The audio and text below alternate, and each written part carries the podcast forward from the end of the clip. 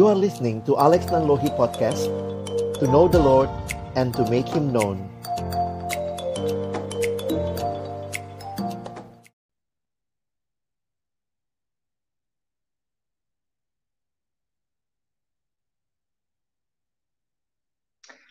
Teman-teman, selamat malam, selamat ketemu lagi. Dan kali ini kita bersyukur karena sekali lagi temanya mungkin bukan cuma uh, insecure atau bersyukur jadi kita bersyukur, tapi memang bisa ketemu seperti ini dengan teman-teman dari berbagai daerah di Indonesia. Jadi satu kesempatan yang indah. Nah teman-teman kita akan masuk dalam topik yang berkaitan dengan tema kita ini ya, insecure atau bersyukur. Kita ingin menggali lebih jauh lagi. Namun sebelumnya yuk kita mulai dengan doa dulu. Mari kita berdoa. Kami kembali bersyukur kepada Tuhan di tengah-tengah situasi global pandemik seperti ini. Banyak kesempatan kami mendengarkan hal-hal yang boleh membangun kami, boleh mengisi kami, dan juga termasuk mengevaluasi hidup kami.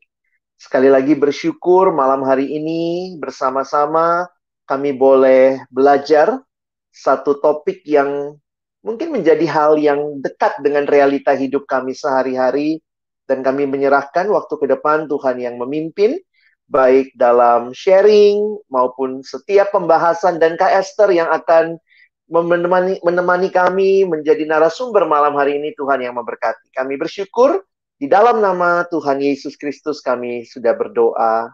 Amin. Nah, teman-teman, seperti biasa saya ditemani oleh Bang Rey. Yuk, Bang Rey, kita sama-sama menyapa teman-teman. Halo, Waduh. Bang Alex. Halo. Waduh, makin gondrong nih, makin gondrong. ya, biar kelihatan lah ya, bener masih dari rumah masih ya. di rumah masih aja PJJ ya? ada bukti. Oke. okay. Shalom teman-teman juga yang baru apa yang bergabung di oh, iya, iya, benar. Uh, siaran ini. Kita mau uh, kenalan juga ya kali ya kalau mungkin teman-teman bisa share uh, namanya siapa, iya, dari daerah mana gitu ya. Boleh saling sharing mungkin uh, hmm. nonton dari mana, mungkin uh, dari pelayanan mana gitu juga kita mau kenalan dan sharing bareng malam hari ini. Oke, Bang nah, Rey, malam ini kita mau angkat topik apa nih? Nah, uh, kan seperti mungkin kalau kita tahu lah ya di tengah PJJ begini kan mm-hmm. ya mau nggak mau kita pasti makin sering pakai media sosial ya baik buat uh, pelayanan, buat kerja, buat uh, mm-hmm. mungkin studi kita juga kayak gitu dan um, ya dari dulu kita pakai medsos tapi mungkin intensitasnya itu juga makin makin bertambah lah ya apalagi waktu oh, juga iya. makin banyak dan yang nambah yang namanya nambah waktu pasti kan nambah terekspos nambah makin eksplor banyak lah kayak gitu di hmm, medsos. dan ya nggak jarang mungkin malah kita terbentuk atau mungkin kepikiran hal-hal yang mungkin benar tapi bisa juga mungkin salah karena hmm. ngelihat atau ngebandingin sama postingan orang jadi terpengaruh. Aduh mulai membandingkan diri mulai mengasihani diri atau bahkan mulai jadinya bahkan ya berusaha menampilkan semakin uh, oh ya supaya makin bisa nandingin atau makin kelihatannya juga ngalamin juga kok kayak gitu. Hmm, betul. Hmm. Kalau dalgona doang sih ya udahlah nggak apa-apa lah ya dalgona bikin bikin kopi. Tapi kalau kalau sampai hal-hal yang mungkin jadi membuat kita insecure itu kan kupikir juga jadi resah. Kupikir itu kan juga iya. jadi kayak kalau kalau bagi-bagi resep masakan sih nggak apa-apa kali ya, Bang Ria. nah, uh, aku pikir itu kali ya kita bisa mulai dari uh, itu. Uh, uh. Dan uh, aku juga udah ngajak beberapa temen nih yang hmm. mungkin bisa sharing pengalaman dan uh, ya kondisi mereka juga ya, karena mereka yeah uh, bukan aktivis media sosial sih tapi maksudnya ya pasti penggiat, juga punya pengalaman media lah ya. sosial lo enggak punya pengalaman ya? Oke okay, uh, eh, aku munculin dulu ya. Iya siapa aja nih? Wow.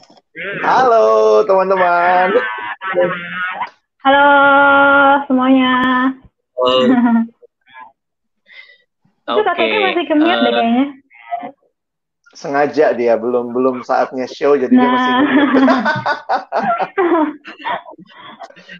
Oke, okay, thank you uh, Dre, CGC, Keke yang boleh datang join.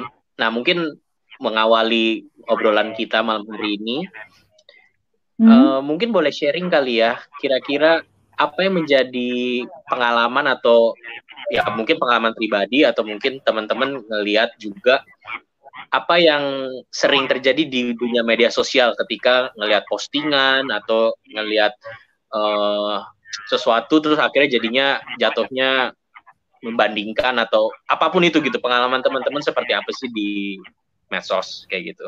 Nah mungkin boleh minta duluan dari CGC ya sebagai okay. uh, eh, aktivis. Udah.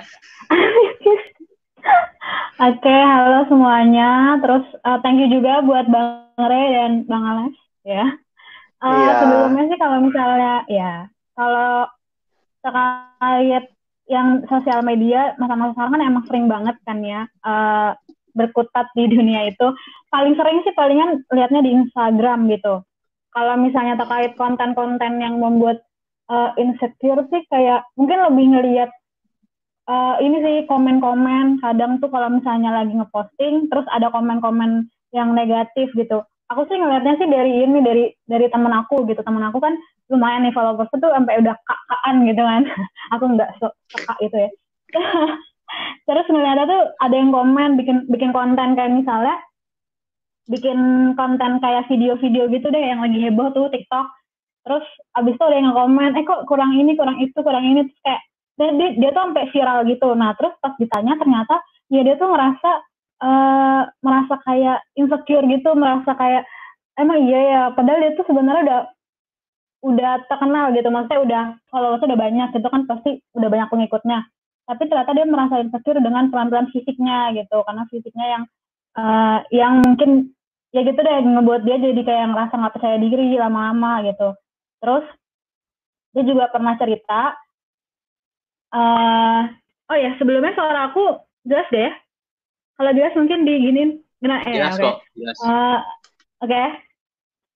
Ya, jadi ngerasa kayak gitu. Nah, terus uh, sama kalau misalnya aku lihat-lihat uh, dari dia sendiri tuh ini apa cenderung kayak kadang-kadang tuh mikir-mikir dua kali kalau misalnya bikin konten gitu. Terus habis itu uh, kalau misalnya aku lihat lagi ada ada lagi yang lain uh, misalnya lihat konten yang bagus gitu yang postingannya tuh keren gitu. Terus habis itu ngebandingin diri dia sendiri kayak kok kayaknya gue biasa aja gitu ya. Terus foto-foto gue juga kayaknya gak cantik-cantik amat gak gak keren-keren amat gitu. Terus gue kayaknya pengen deh posting kayak gitu gitu ngelihatnya atau ngelihat yang keren-keren kayak misalnya lagi jalan-jalan traveling gitu. Walaupun itu postingan apa foto-foto lama tapi abis itu diposting sekarang-sekarang ini kan jadinya ngebuat gelisah ya kadang-kadang ya jadi kepengen. Gitu terus habis itu habis itu ngelihatnya ini apa challenge-challenge yang lagi ngehit gitu yang kayak make, misalnya kalau cewek make upan itu tuh kayak keren-keren gitu make upnya. Terus pas dicoba kok kayaknya afraid banget pas dicoba. Terus habis itu habis itu jadi jadi ngerasa kayak uh, apa ya tapi kalau misalnya bikin bikin konten tuh sampai kayak insecure gitu kalau udah udah diupload terus mikir kok kayaknya yang like dikit ya kok kalau dia yang like eh kalau dia yang posting kok like-nya banyak ya terus kalau gue kok dikit ya misalnya kayak gitu mikir ini maksudnya bukan aku ya tapi aku juga nggak pernah ikutan kayak gitu sebenarnya Oh kamu nggak pernah, kamu nggak nggak bikin nggak bikin konten? Nggak bikin konten yang makeup makeup yang apa sih itu yang beras challenge itu loh, kayak gitu. Makeup makeup. Bisa kita terus, coba nih sekarang nah. over beras. Iya lempar deh lempar, kayak gitu sih. Ngeliatnya tuh kayak uh, nge-like nge-like tuh banyak sampai itu. Terus habis itu nanti nggak lama dihapus postingannya karena ngerasa nggak percaya diri sama kalau kayak aduh kayaknya konten gue nggak berbobot atau kayak konten gue jelek deh. Sampai atau ada juga yang kayak eh like postingan gue dong kayak gitu. Sampai mohon-mohon nggak mohon sih kayak share-share ke mana-mana kalau yang gue lihat gitu. Gitu sih kalau yang gue lihat. Oke okay. thank you CGC buat sharingnya. Uh, yeah.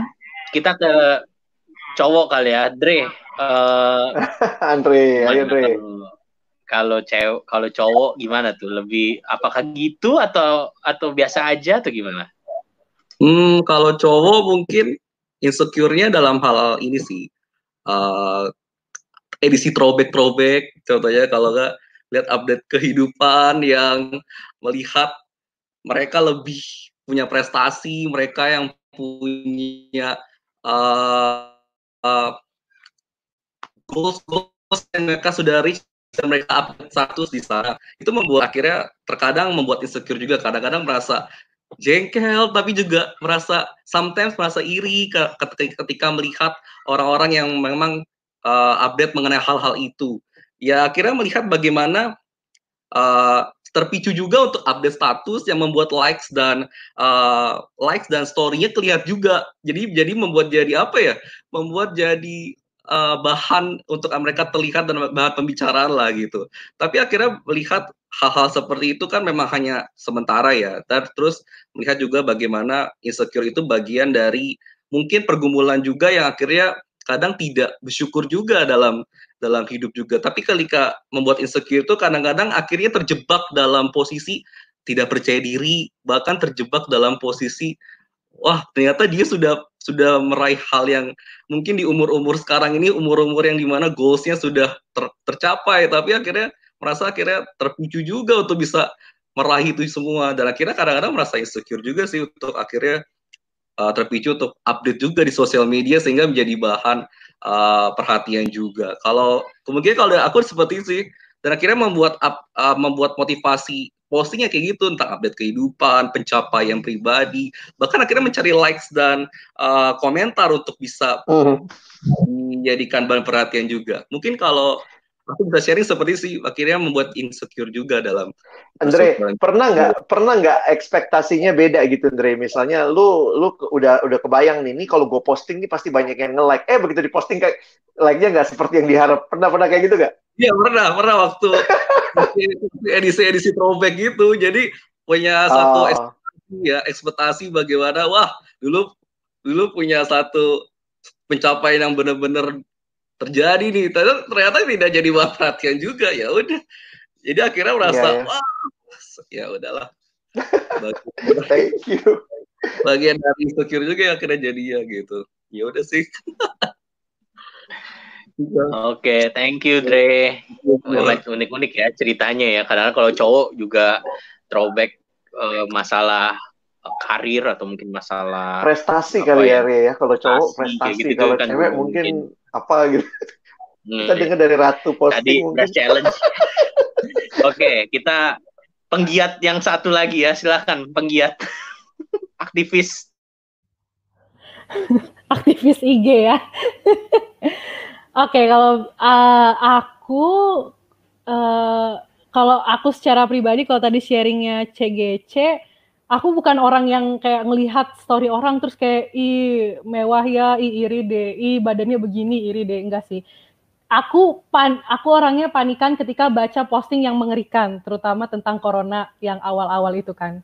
Jadi dan nggak tahu banyak hal, jadi yang buat insecure tuh kayak gitu. Uh, apa ya di Twitter jadi nggak cuma Instagram jadi bukan cuma penggiat di Instagram penggiat di Twitter dan di Line Today yang menyebalkan itu ya postingan berbagai hal uh, dan awal-awal tuh kan nggak difilter ya. Jadi kayak takut sendiri gitu panik sendiri. Tapi ke sini ke sini uh, coba memfilter. Bukan cuma memilih mana yang dibaca uh, newsnya tapi juga ngelihat komen-komennya. Karena dari komen-komen mereka kan maksudnya kayak punya pandang pandangan-pandangan kan baik yang negatif maupun positif.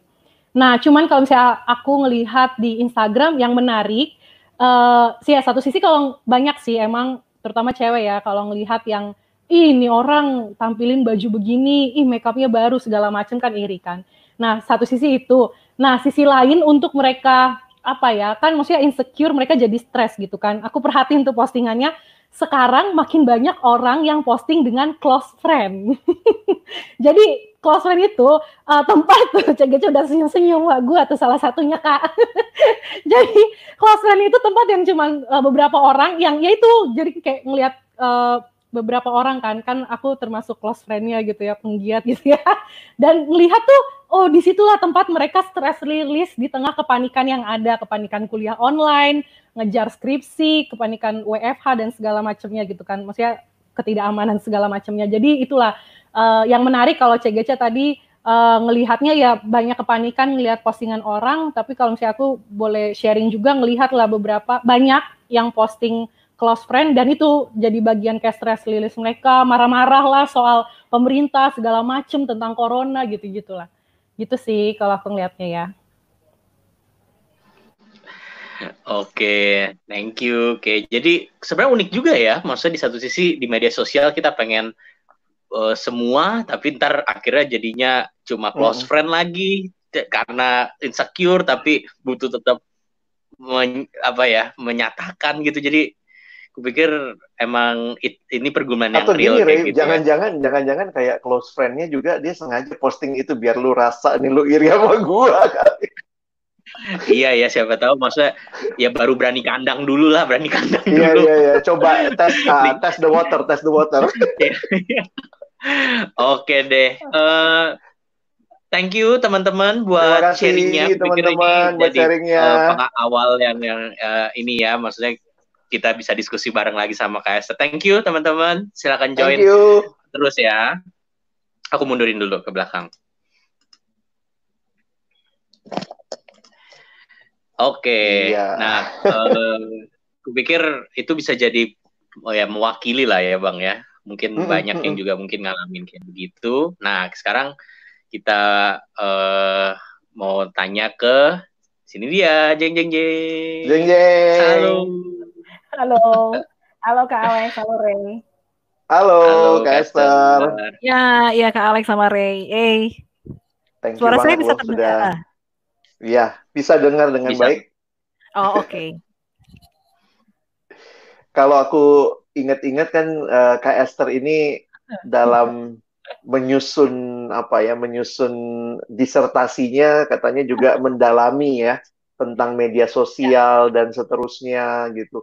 Ter boleh nggak ya. ceritain gitu ya?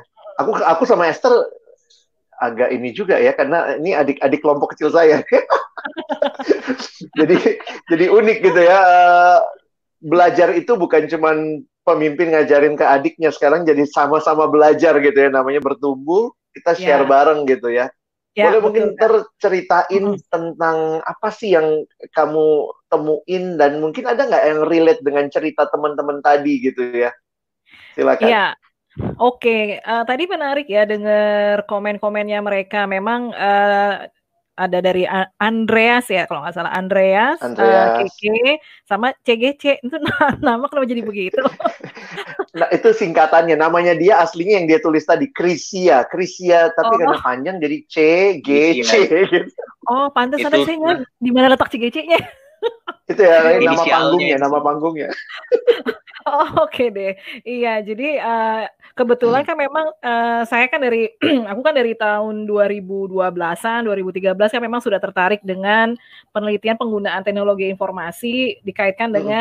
Uh, psikologis ya. Jadi misalnya dengan personality, dengan emosi dan seterusnya. Nah, kebet uh, memang waktu lagi bikin disertasi kemarin uh, S3 memang bahas tentang itu dan dikaitkan dengan ada emosi dan juga uh, gangguan kesepian. Cuman memang yang uh, yang kita mau bahas ini yang kebetulan tadi fenomenanya udah diangkat itu tuh uh, waktu lagi bikin disertasi saya tuh uh, munculin satu ide uh, semoga anaknya lagi nonton di YouTube ini. Jadi ada mahasiswa skripsi yang saya bilang uh, dia waktu itu bilang gini, uh, Bu, saya mau meneliti tentang uh, penggunaan media sosial dan kebetulan kan memang saya termasuk salah satu dosen di psikologi binus yang meneliti tentang hal itu. Kemudian eh, ngobrol-ngobrol-ngobrol, uh, bahas tentang namanya social comparison orientation, jadi membanding-bandingkan hmm. diri secara sosial di dalam media sosial, tapi kan lagi mikir variabel berikutnya apa. Nah, setelah menelusuri beragam hasil-hasil riset, termasuk juga riset yang saya lakukan, akhirnya saya bilang, nih kayaknya bagus banget kalau dikaitkan dengan well-being. Jadi di psikologi itu ada konsep tentang well-being, kesejahteraan psikologis dalam diri seseorang. Nah, akhirnya dimunculkanlah satu variabel namanya gratitude. Nah, atau bersyukur kalau diterjemahkan gitu. Ya, jadi memang penelitian psikologi itu unik-unik loh, Ray. Jadi bagus-bagus ya. Kalau uh, ini sebenarnya mau ngomong apa sih gue? Enggak, Ntar balik lagi gitu ya. Enggak iya, cuma risetnya yang bagus, anaknya juga bagus-bagus sih. nah, kemudian tadi kan waktu ngobrol apa dengar obrolan itu uh, memang menarik bahwa ada semacam muncul uh, insecure uh, ketika postingan gue kok nggak ada yang like ya. Kemudian uh, kalau si ini posting ini kok jadi lebih banyak gitu dan udah mulai uh, gemes gitu ya, udah mulai oh, kayaknya nggak uh, nggak uh, apa make up gue nggak nggak bagus atau foto gue biasa-biasa aja jadi udah mulai rontok itu di di mungkin kalau istilah psikologinya self esteemnya aduh ini gue kayaknya nggak nggak penting banget jadinya di hadapan orang banyak gitu. Terus yang cowok-cowok juga uh, tadi Andreas mewakili kaum pria anak muda uh, kayaknya ada istilah throwback gitu ya. Postingan throwback ini gimana gitu ya. Uh, banding-bandingin tentang achievement di, di posting kemudian uh, berharap banget dapat respon yang kayaknya wah tapi ternyata tadi dipancing oleh Kak Alex ternyata nggak seperti yang dibayangkan. Nah, memang uh, begini sih, memang fenomenanya Indonesia ini unik banget. Jadi pengguna internet kita itu banyak banget sebetulnya jumlahnya. Kalau dari data itu uh, di tahun uh, 2019 hingga 2020 awal itu lebih dari setengah populasi Indonesia atau penduduk Indonesia, jadi sekitar 64 persen itu orang Indonesia sudah pakai internet sebenarnya, ya uh, dengan kondisi internet kita yang seperti ini. Uh, nah, namun yang mengejutkan, uh, saya coba telusuri datanya dari 2017, 2018 itu selalu uh, media sosial menjadi raja di dalam penggunaan internet jadi itu bisa sampai uh, apa ya 90-an persen bahkan tahun 2017 yang saya tahu 97 persen dari pengguna internet Indonesia kebanyakan pakainya media sosial gitu. Dan itu terus bertahan cukup tinggi. Dan di data yang saya temui dari Hotsuite itu We Are Social tuh dia menyebutkan bahwa uh, memang datanya bilangnya begini sih pengguna media sosial Indonesia itu urutan nomor dua dalam penggunaan internet. Kan internet itu kan banyak ada media sosial, ada untuk kepentingan mungkin uh, apa belanja atau finance gitu ya, e-commerce dan seterusnya. Nah, yang paling tinggi ternyata media sosial. Cuma nomor satunya internet doang. Nah, saya lagi mikir jangan-jangan data pertama yang dibilang internet itu juga termasuk internetnya terkait dengan media sosial. Jadi itu datanya agak rancu kemungkinan. Jadi saya lagi ber, ber, eh, berpikir dengan data-data sebelumnya bahwa uh, persentase orang Indonesia menggunakan media sosial tetap tinggi banget tetap tinggi banget. Artinya orang kita memang ke, uh, ident, mengidentifikasikan bahwa internet sama dengan media sosial. Nah, kemudian dari segi demografi, pengguna internet kita memang yang cukup banyak adalah anak muda usia-usia SMA hingga akhirnya profesional muda di bawah 30. Itu lumayan banyak pengguna media sosial. Dan tidak heran kalau salah satu media sosial yang paling banyak digempari wah saking ramenya adalah Instagram. Ya itu kan trending banget. Tadi kan teman-teman banyak banget uh, share tentang Instagram. Kalau dilihat dari platformnya, uh, mungkin teman-teman yang udah biasa main IG tahu lah ya itu sebenarnya Instagram itu gimana sih kan enak banget mainnya. Uh, fitur untuk uh, uh, foto, video, kemudian bisa story dan macam-macam yang kadang aja saya tergagap-gagap gitu sebenarnya saya awalnya nggak terlalu suka main, apa pakai Instagram karena capek banget. Jadi kayak ibu-ibu ngeliatin media sosial, aduh di handphone saya tuh sampai ngeheng ngeheng karena saya researcher harus ngikutin semua media sosial yang ada, ngeheng akhirnya nih handphone. akhirnya saya harus merelakan banyak banget media sosial saya buang-buangin gitu. Karena udah nggak nggak udah nggak nampung lagi dan saya sendiri juga lelah untuk melihat satu-satu walaupun hanya sekedar untuk uh, memantau. Nah, dari posting-posting yang tadi teman-teman sudah sharing, kelihatan banget sesuai dengan hasil riset yang pernah saya coba uh, baca bersama dengan mahasiswa bimbingan skripsi saya yang kemarin, eh, yang tadi saya ceritain. Beneran ada korelasinya. Uh, kalau kita posting, kemudian tujuannya untuk bisa mendapatkan like, mendapatkan apa ya, popularitas ya, favorit ya dari orang supaya orang seneng dan akhirnya like like like atau kasih komen-komen yang positif. Jadi tujuannya ke sana itu membuat membuat si uh, pengguna bisa jatuh ke dalam social comparison orientation. Jadi orientasinya uh, orientasinya itu membanding-bandingkan diri dengan kondisi orang lain atau dalam hal media sosial berarti posting orang lain.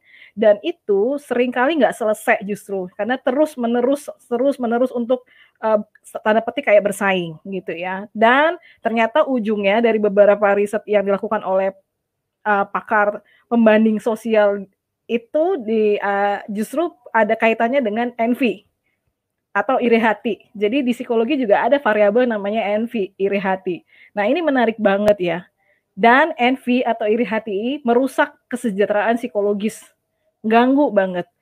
Bikin orang nggak happy, tidak bisa menikmati bahwa sebenarnya dirinya dengan kondisi dia yang sekarang saat ini ya sebenarnya udah cukup, udah oke okay, gitu dan bahkan bisa menurunkan rasa keberhargaan terhadap dirinya sendiri. Yang kayak tadi, kok kayaknya gue jadi nggak cantik ya dibandingkan yang lain ya, nggak berani ah ikut challenge brush. Ya udah uh, brush yang lain aja sapu misalnya. Kalau takut yang ini gitu. Atau kok kayaknya gue dibandingkan pria-pria lain prestasinya biasa aja ya. Jadi nggak pernah bisa melihat diri sendiri itu berhar berarti atau berharga karena bandingannya selalu ke atas gitu ya. Ngelihat perbandingannya dengan orang lain yang kayaknya lebih sukses lebih oke okay, hanya dari like. Ya kadang-kadang kita juga persepsinya juga jadinya terpengaruh. Padahal kan gini kalau dipikir-pikir secara logis ya postingan orang kan bisa saja di setting atau dibuat supaya kelihatan menarik. Yang belum tentu tuh realitanya kayak gitu. Ya enggak Nah, itu yang bisa membuat kita jadinya uh, tidak bisa berpikir dengan logis terhadap apa yang tampil di satu media gitu. Nah, paling itu dulu sih uh, Ray dan Kak hmm. Alex. Ter boleh nanya nggak kalau dielaborasi sedikit kali ya Ray, saya aku mau coba tanya Kak Esther, sebenarnya envy ini seberapa damage dia, seberapa membahayakan sebenarnya kalau kita lihat dalam realita maksudnya mem mem membuat apakah sampai akhirnya ada penyakit psikologis begitu? Uh, uh. Ah, benar kak ada. Jadi kalau dari jurnal yang saya baca, hasil penelitian yang mencoba mengkaitkan antara so, uh, pembandingan diri secara sos apa uh, pembandingan sosial da, uh, diri kita uh, dan itu berujung kepada envy, ternyata itu bisa mengakibatkan gangguan psikologis. Salah satunya adalah depresi. Oh. Justru mm -hmm. ya karena uh, itu membuat moodnya turun dan dia merasa tidak bergairah lagi untuk melakukan aktivitas dan merasa dirinya tuh nggak berharga, dirinya nggak berarti sehingga mau, ngap mau ngapa-ngapain kayaknya males. Nah ini yang justru tidak diinginkan oleh para pakar sebenarnya ya atau para hmm. peneliti yang yang meneliti tentang uh, apa kesejahteraan manusia dan juga penggunaan teknologi informasi. Ya, tapi hmm. saya saya ngomong begini bukan berarti ini ya uh, anti terhadap media sosial ya karena saya juga punya yeah, ya, yeah. Instagram, Facebook tapi maksudnya gini uh, saya hanya ingin me, me, me, apa mengendorse anak muda supaya pakai media sosial yang benar gitu. Jangan sampai akhirnya mengganggu kesejahteraan psikologisnya juga dan nanti juga nanti Kak Aris bisa bahas tentang bagaimana relasinya dia dengan uh, Tuhan juga, bagaimana dia melihat hmm, hmm. dirinya hmm. di uh, sebagai ciptaan Tuhan yang berharga gitu. Kak, aku mau nanya deh. Kan uh -uh. sebenarnya kita awal mungkin gini ya, awalnya kan nggak hmm. berencana begitu gitu loh, Kak. Kadang-kadang kan kita awalnya uh, maksudnya apa ya? Mungkin cuma sekedar mau share atau mau berbagi yeah. aja gitu. Maksudnya up gimana gitu? Maksudnya apa tandanya atau kita mulai aware gitu ini kok gue mulai begini gitu maksudnya kadang-kadang kan kita nggak dari awal mungkin nggak ngeh atau nggak nggak mm. kepikiran akan membandingkan diri kayak gitu itu kayak gimana kak? Tadi itu secara... sebenarnya Oh oke, okay. gimana sih kita tahu bahwa jangan kita udah terjerumus ke bagian sosial comparison gitu ya, iya. membanding-bandingkan diri gitu ya.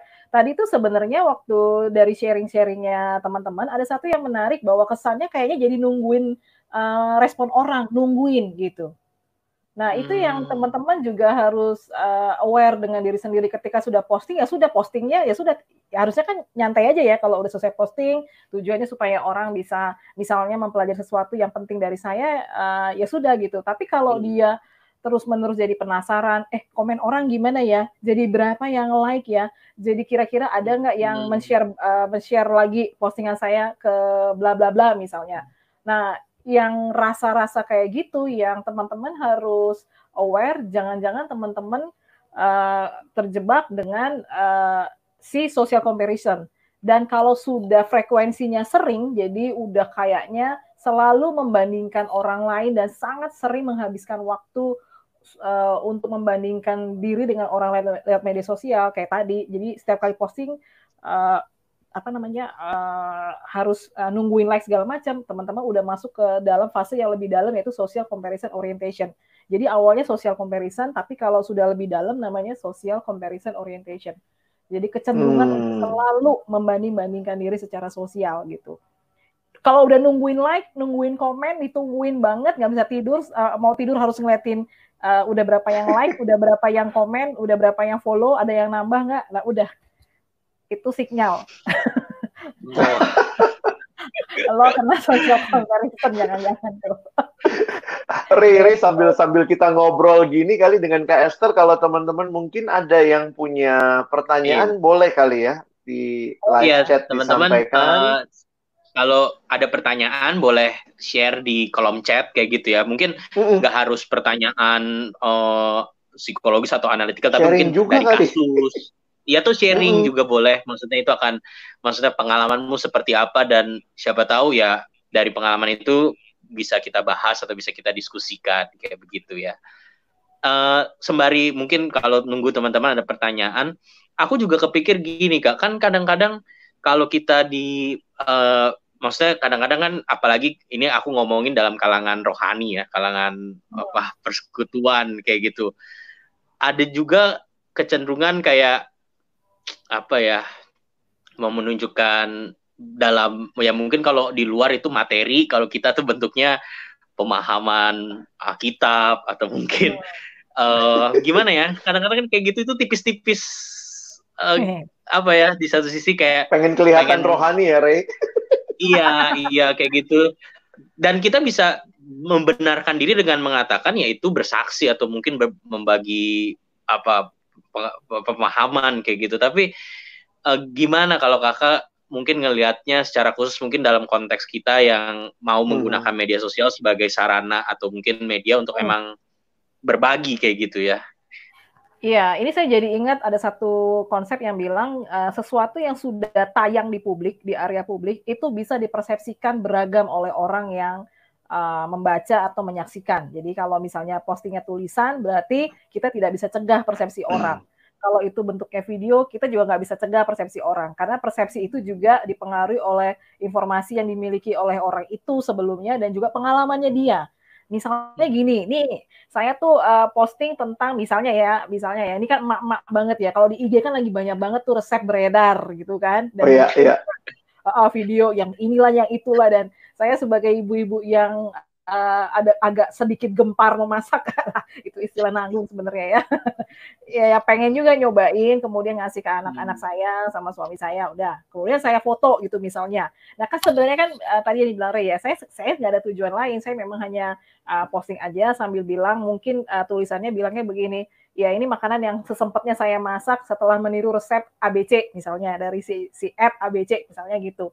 Nah tapi kan saya nggak bisa cegah ketika ada orang yang mungkin saat itu dia lagi sebel sama masakan tertentu dan waktu ngelihat postingan saya makin sebel dia ngelihat saya. Saya nggak bisa cegah gitu karena itu uh, persepsinya dia dan ada ada konteks dia yang kayak gitu atau misalnya ada orang yang mohon maaf mungkin tiga hari ini susah makan ketika lihat postingan saya dia makin sebel gitu pamer sih makanan hari gini misalnya nah memang itu sesuatu yang uh, apa ya kalau udah di ruang publik persepsi akan jalan gitu ya. Penilaian orang akan jalan dan kita akan sangat sulit untuk bisa kontrol. Nah, supaya bisa tidak terjadi hal seperti itu, paling memang kita harus bersikap kontekstual, lihat kondisi sosial hmm. sekitar kita. Siapa sebenarnya yang menjadi uh, follower kita gitu? Siapa sebenarnya yang sering main uh, muncul di IG. Jadi kita harus hati-hati nih kalau misalnya sosial ekonomi politik lagi kayak gini, waspadalah hmm. untuk posting apa misalnya kalau misalnya orang-orang yang sering komen, kan biasanya orang yang sering komen, sering like, kadang-kadang orangnya itu, itu aja ya. Kalau saya perhatiin ya. Orangnya ada ada kayak lingkaran lingkarannya udah itu ya, lingkaran uh, komen apa netizen netizen kita.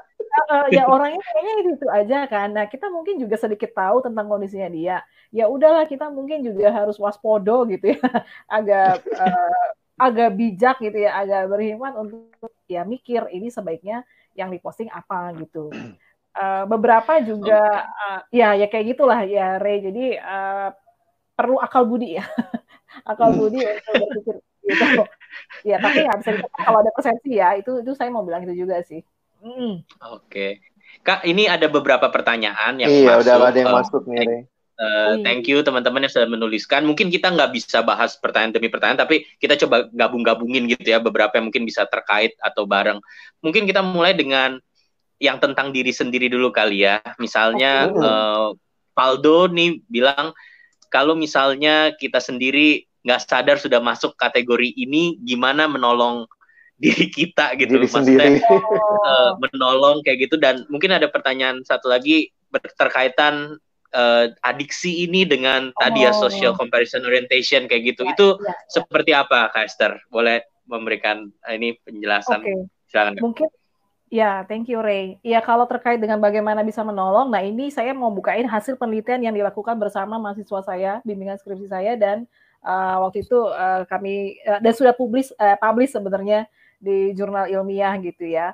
Uh, jadi waktu itu yang tadi saya ceritakan di awal, uh, kami tidak mau meneliti uh, mengkaitkan antara social comparison orientation, jadi kecenderungan orang untuk selalu komparasi secara sosial dengan envy lagi gitu ya. Karena hmm. ya datanya udah ada dan fenomena atau faktanya sendiri kita ngerasain. Jadi kalau saya nanya-nanya ke mahasiswa-mahasiswa saya mereka juga bilang mengakui bahwa iya ya aku kayaknya gue jadi terpacu terchallenge untuk gue mem membalap si orang itu. Itu kan irinya udah kelihatan. Ya nggak usah diteliti lagi lah itu udah ada. Tapi yang mau kita teliti adalah gimana caranya untuk bisa menghalau si uh, social comparison orientation ini. Jadi kecenderungan untuk selalu membandingkan diri Nah, akhirnya yang kami munculkan variabelnya adalah gratitude.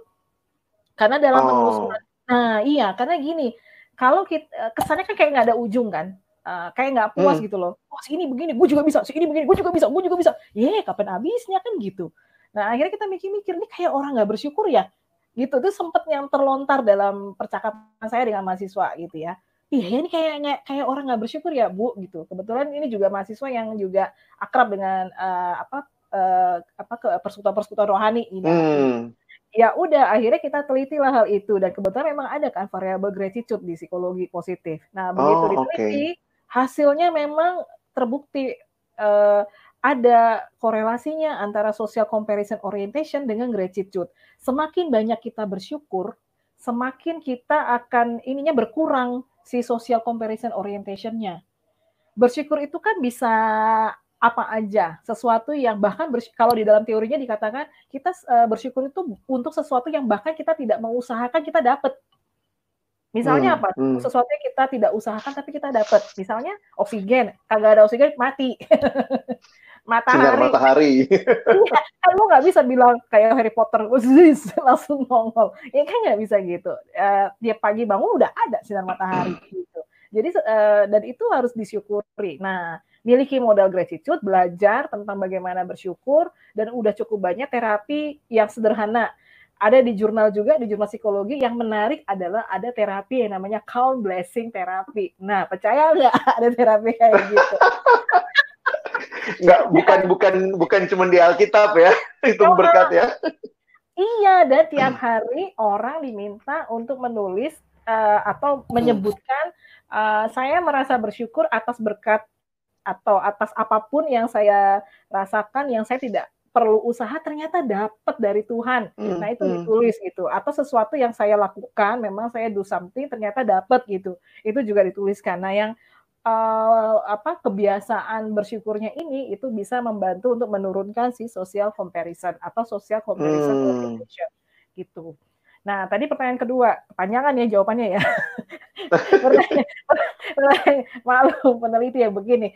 Pertanyaan kedua tentang apa tadi kalau ediksi ya? Ada kaitannya nggak? Iya, sama security. Uh, uh, ya, oke. Okay. Uh, uh, uh, atau insecurity. Ya, kebetulan kan penelitian besar saya adalah problematic internet use. Jadi uh, orang punya problem dengan penggunaan internet. Nah, social comparison di dalam media sosial menurut saya termasuk dalam satu bagian dari problem gangguan kesehatan mental yang dikaitkan dengan penggunaan internet atau bisa juga masuk dalam problematic internet use. Menurut saya bisa jadi ini memang saya belum pernah meneliti langsung tapi bisa, uh, harusnya secara logika dalam berkonsepsi uh, sebetulnya ada kaitannya. Orang-orang yang merasa insecure, orang-orang yang terlalu uh, lekat dengan penggunaan internet tanpa tujuan ya, jadi bukan penggunaan internet yang memang ada purpose-nya ya, tanpa tujuan yang akhirnya dikognisi dan di uh, perilakunya itu sudah tak terkontrol lagi penggunaan internetnya, bisa saja dia akan terjerat dalam uh, kondisi social comparison atau jadinya insecure gitu ya, merasa uh, dia uh, tidak tidak apa namanya uh, tidak aman, tidak nyaman dengan dirinya sendiri gitu. Bisa banget Ray sebetulnya. Itu. Ada pertanyaan lain lagi nih Ray. Kalau itu kan kejadian sama diri kita nih. Hmm. Uh, dari Kak Alfrida nih, kakak kita di yeah. Jambi ya. oh. Kak Alfreda bertanya, gimana cara memberitahu ke teman yang udah ada kecenderungan social comparison orientation? Atau sebenarnya juga dalam kenyataan, uh, ini kan karena lagi di rumah nih ya, jadi kayaknya hmm. kita juga bisa ngelihat anggota keluarga kita kok dari tadi cuman ngeliatin HP mulu gitu atau apa gitu. Itu gimana gimana nolonginnya tuh ter, gimana ya? Hmm. Nah, biasanya nah ini ini kayaknya harus masuk ke teori yang biasanya saya pakai dalam penelitian besar saya gitu ya. Orang-orang yang terjebak uh, di dalam kondisi seperti ini, ini kan sudah masuk dalam penggunaan internet yang bermasalah ya. Jadi hmm. uh, dia akhirnya sangat lekat dengan media sosial, bahkan mungkin itu handphone tuh kayaknya nempel gitu ya kayak ada lemnya gitu. Kayak nggak nggak copot jangan-jangan di kamar mandi juga dibawa gitu ya. Kalau eh, nah kalau kayak gitu biasanya ada problem yang mendasari problem psikologis sebelumnya yang mendasari. Jadi bukan kalau di dalam kon, uh, konsep yang saya pegang bukan internetnya yang membuat dia menjadi begitu, tapi sebelum dia bergaul dengan internetnya atau sebelum dia bergaul dengan media sosial, jangan-jangan memang sudah ada problem. Problemnya misalnya loneliness gitu, kesepian, nggak ada yang nyapa dia, nggak ada orang yang peduli sama dia atau misalnya dia punya problem uh, eh, self esteem yang uh, negatif. Jadi merasa diri nggak berharga gitu ya. Jadi merasa setiap kali setiap kali yang dia lakukan itu selalu tidak pernah dipandang oleh orang rumah misalnya. Atau dipandang oleh sekitarnya. Jadi akhirnya merasa sesuatu yang uh, segala sesuatu yang dikerjakan itu selalu salah. Nah akhirnya dunia yang lebih nyaman buat dia adalah dunia maya atau dunia internet. Karena kan orang nggak tahu realnya dia sebenarnya kayak apa hmm, gitu. hmm yang problem-problem dasarnya itulah yang sebaiknya ditemukan atau coba ditemu kenali atau dikenali perlahan-lahan. Ya, cara yang paling efektifnya lagi adalah memang harus diajak ngobrol sih. Di apa namanya? Hmm. Di, diperhatiin gitu loh sebenarnya uh, apa yang menjadi kebutuhannya dia ketimbang telling bilang lo social comparison ya kayaknya tuh nggak nggak nggak terlalu efektif tapi lebih kepada iya ya kenapa dia begitu ya oh mungkin dia kurang diperhati sama kita yang di rumah ya udah perhatiin dia gitu. sampai akhirnya bilang kalau ada kalau dia butuh butuh cerita dia dia tahu dia harus cerita sama siapa gitu. Ya, ya sementara ini itu yang saya pikirkan sih kak Alex sama Ray uh, kak aku jadi kepikir ini ada beberapa ada satu uh, Michael yang komen maksudnya kadang-kadang kita melihat status dan kemudian akhirnya kita nggak bisa nutup mata kadang-kadang akhirnya membuat kita menulis lebih dari status teman itu ya. Nah aku jadi kepikir gini kak tadi kan kakak bilang gratitude ya. Hmm. Tapi mungkin ada juga cara kita coping atau bertahan dengan ya udah tutup mata. Hmm. Kayak gitu, hmm. masa nggak mau lihat yang lain. Nah, sih itu apakah bisa atau sebenarnya uh, apakah berguna sebenarnya tutup mata begitu gitu loh uninstall, dibanding ya, gratitude ya, gitu. Oke. Ya, ya. Nah, kayak apa istilahnya kayak oh, ada yang bilang internet detox lah atau diet internet lah yang istilah-istilah sekarang gitu ya. Hmm. whatever itulah gitu ya. Kalau memang itu dirasa sebagai short period untuk menolong dirinya silakan aja. Sambil dia menata diri perlahan-lahan untuk membangkitkan kembali rasa keberhargaan pada dirinya sendiri. Atau me, me, apa secara perlahan-lahan belajar untuk bersyukur dengan apa pun yang uh, dia miliki yang su sebenarnya sudah dimiliki, sudah disediakan hmm. bahkan sebelum kita meminta kan. Sebenarnya kan itu yang terjadi pada diri anak-anak Tuhan gitu. Nah, paling kalau menurut saya untuk untuk sementara nggak apa-apa sih Ray. Karena saya juga pernah sih uh, ngomong ke mahasiswa saya sendiri ketika dia bilang aduh bu uh, udah deh gue capek habis uh, kepala gue jadi ribut banyak banget uh, informasi beredar uh, dan dia menginstal semua media sosial beneran semua di uninstall gitu apa pun itu. Terus termasuk WhatsApp dia uninstall. Jadi saya wow. tuh lagi bingung gimana caranya ini terus dia bilang iya terus dia saya bilang apa pakai email? Iya pakai email aja. Ah anak muda hari gini pakai email. Ya udah nggak apa-apa. Terus belakangan dia bilang bu saya buka telegram tapi dengan nomor tertentu. Nah berarti dia udah mulai membatasi diri sampai dia merasa siap untuk membuka diri keluar saya bilang ya nggak apa-apa hmm. kalau tiap orang kalau kan kondisi orang beda-beda ya ya nggak apa-apa yeah. itu boleh aja dilakukan si Ray hmm. hmm. oke okay. uh, ada lagi yang komen terima kasih. Uh, kalau ini kondisinya rada berbeda. Jadi mm -hmm. uh, temennya bukan mengharapkan respon dari orang lain, tapi bergantung tunggu postingan Nunggu orang postingan lain selanjutnya gitu. dari orang lain gitu. Oh, buat hiburan Sampai katanya ya? merasa merasa ada yang kurang kalau belum melihat posting akun itu satu hari itu itu macam-macam oh. juga ya oh. ternyata ya kondisi orang-orang gitu ya. Tapi per, apakah apakah sama gitu maksudnya itu bentuk lain atau gimana Kak kalau menurut Kakak? Ya itu sih bukan social comparison sebenarnya. Karena kalau social comparison itu kan dia ada ada apa uh, membandingkan kondisinya dia dengan uh, kondisi hmm. orang lain gitu ya. Dan yang mem membuat dia akhirnya terpacu untuk uh, melakukan sesuatu terhadap uh, perbandingannya itu. Uh, apa namanya dan yang yang yang saya yang sedang kita bicarakan ini namanya upward social comparison. Jadi kita selalu membandingkan dengan orang yang lebih di atas kita ya. Uh, jadi kalau orang posisi sesuatu yang highly uh, positif tuh kita kayaknya tuh, waduh, kayaknya gue nggak mau kalah. Sebenarnya itu social comparison. Tapi kalau nungguin hmm. posting orang, sebenarnya sih bukan social comparison. Cuma yang jadi pertanyaan adalah waktu dia nungguin postingan orang, dia melakukan sesuatu nggak? Atau dia diem aja nungguin, bener-bener nungguin nggak ngapa-ngapain? kalau dia kalau dia sampai nggak ngapa-ngapain itu problem juga sih. Masa nggak ngapa-ngapain sampai nungguin gitu ya? Tapi uh, kalaupun akhirnya membuat di, uh, saya nggak tahu ini karena bentuknya kan bisa aja kayak ngefans berat misalnya. Iya. Uh, sama atau, public figure misalnya gitu ya. ya. Uh, nah itu memang ada juga variabel. Kebetulan bukan saya yang uh, ahli di situ. Ada kayak celebrity worship ya. Jadi uh, okay.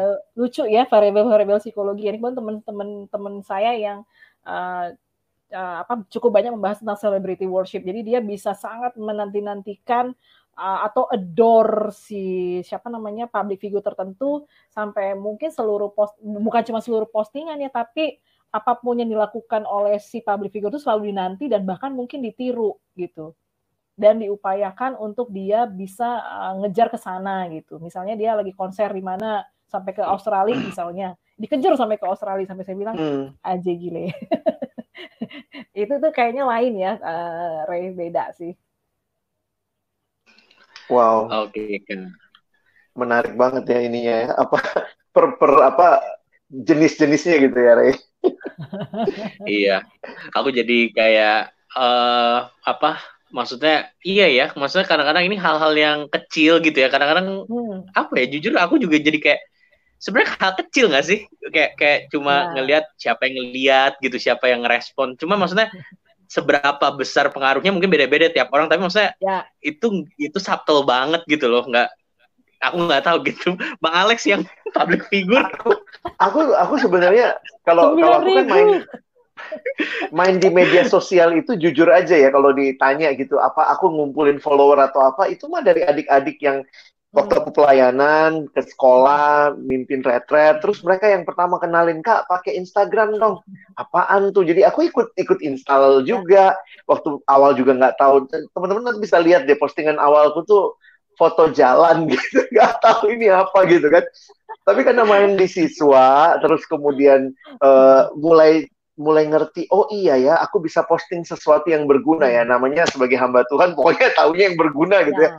coba share gitu tapi lama-lama ngelihat oh iya ya ada yang nge-like, ada yang bertambah dan kemudian dari situ juga sempat tuh masuk ke tahap-tahap tadi gitu ya. Kalau posting sesuatu pengen lihat nih orang ini uh, responnya apa. Sebenarnya waktu itu kepikir gitu ya, mau mau dapat mau dapat respon aja dari orang-orang sebenarnya worth it nggak aku posting seperti ini. Hmm. Nah, tapi kemudian belakangan jadi aku banyak belajar dari anak-anaknya sih. Misalnya waktu hmm. itu mereka bilang gini, uh, aku waktu itu baru tahu juga gitu ya. Kak kok dia nge-like yang begini-begini? Loh Terus aku bilang loh kok kamu bisa tahu orang itu nge-like apa? Kan bisa kak ketahuan. Jadi sampai akhirnya tuh keponya anak-anak tuh bukan cuman jadi misalnya gini ya aku jadi sadar juga kalau misalnya aku nggak menjaga misalnya aku nge-like sembarangan gitu ya. Hmm. Orang ada ada orang-orang yang mungkin follower aku gitu ya atau yang ini bisa bisa ngelihat ternyata hmm. bahwa oh si Bang Alex ternyata oh senangnya uh, ya, uh, ya. apa IG IG porno misalnya begitu ya. ya. Bisa bisa seperti itu.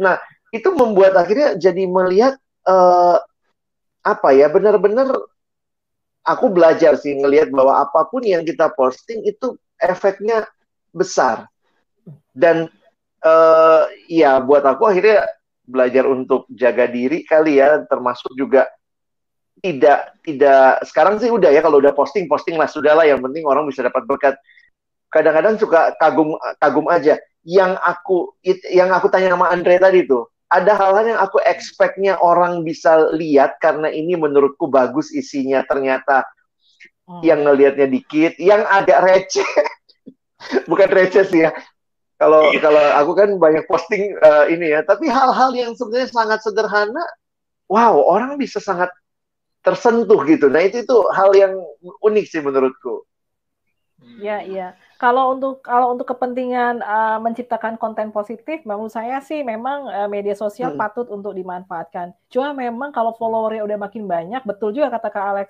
Jadi gerak-geriknya Kak Alex itu betul-betul dipantau gitu ya. Seleranya dia apa. Hmm. Jadi kayak kesannya gini, kalau Kak Alex nge-like sesuatu itu berarti oh itu udah bener gitu. Karena memang ada model ya, orang betul. yang uh, berpikirnya gini, kalau si ini yang posting atau si ini yang forward kita nggak perlu baca nggak apa-apa pasti benar isinya nah kan itu yeah. ngeselin sebenarnya ya nah itu yang salah yeah. satu pem, apa penyebar hoax tuh di situ tuh salah satunya jadi jadi emang kalau kita agak-agak dilihat oleh orang emang perlu agak hati-hati untuk yang kita forward apa yang kita like apa yeah. yang dan yang kita posting atau yang kita komen apa itu benar-benar harus dicek ya penggemparnya ke Aris banyak soalnya Makanya tuh pernah ini juga ter pernah uh, ada beberapa uh. anak yang bilang kak bisa tolong ini enggak repost hmm. apa yang misalnya mereka posting gitu ya atau hmm. beberapa minta tolong kak promosiin ini dia jualan hmm. apa gitu. Aku tuh uh. sangat hati-hati karena juga ngerasa ya.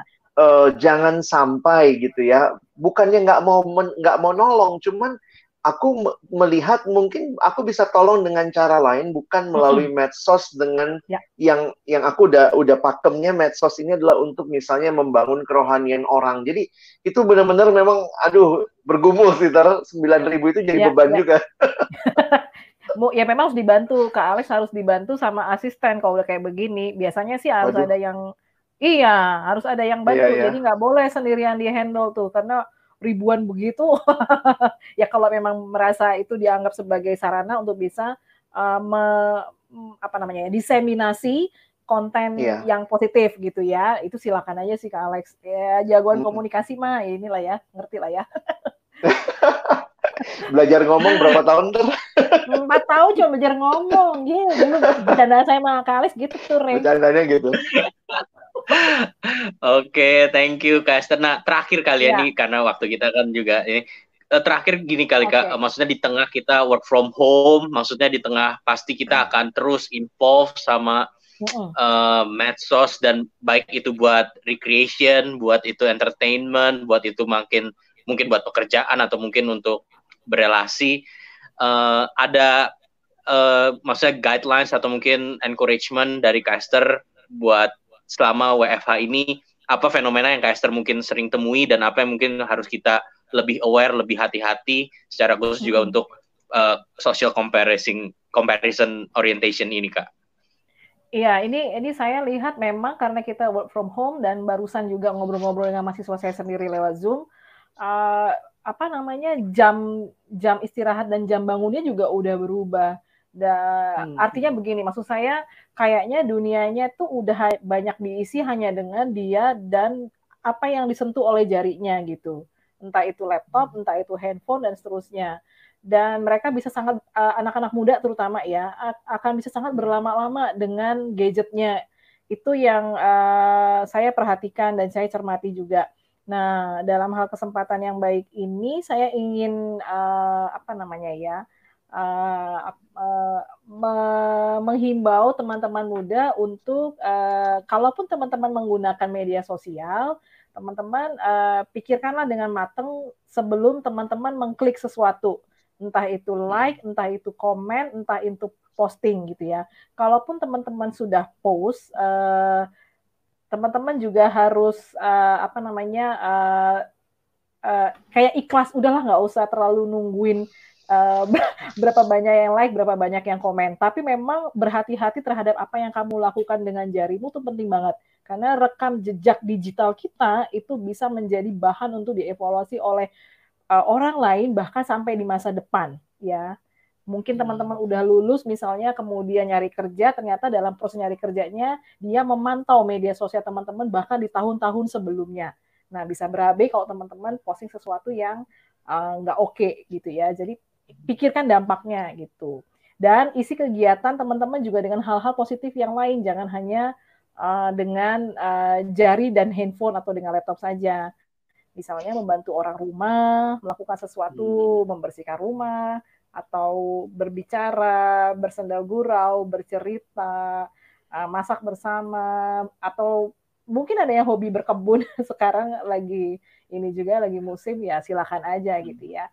Paling itu aja sih dari saya. Eh ya satu lagi jangan lupa bersyukur dengan apa yang kita hmm. ada hingga saat ini gitu.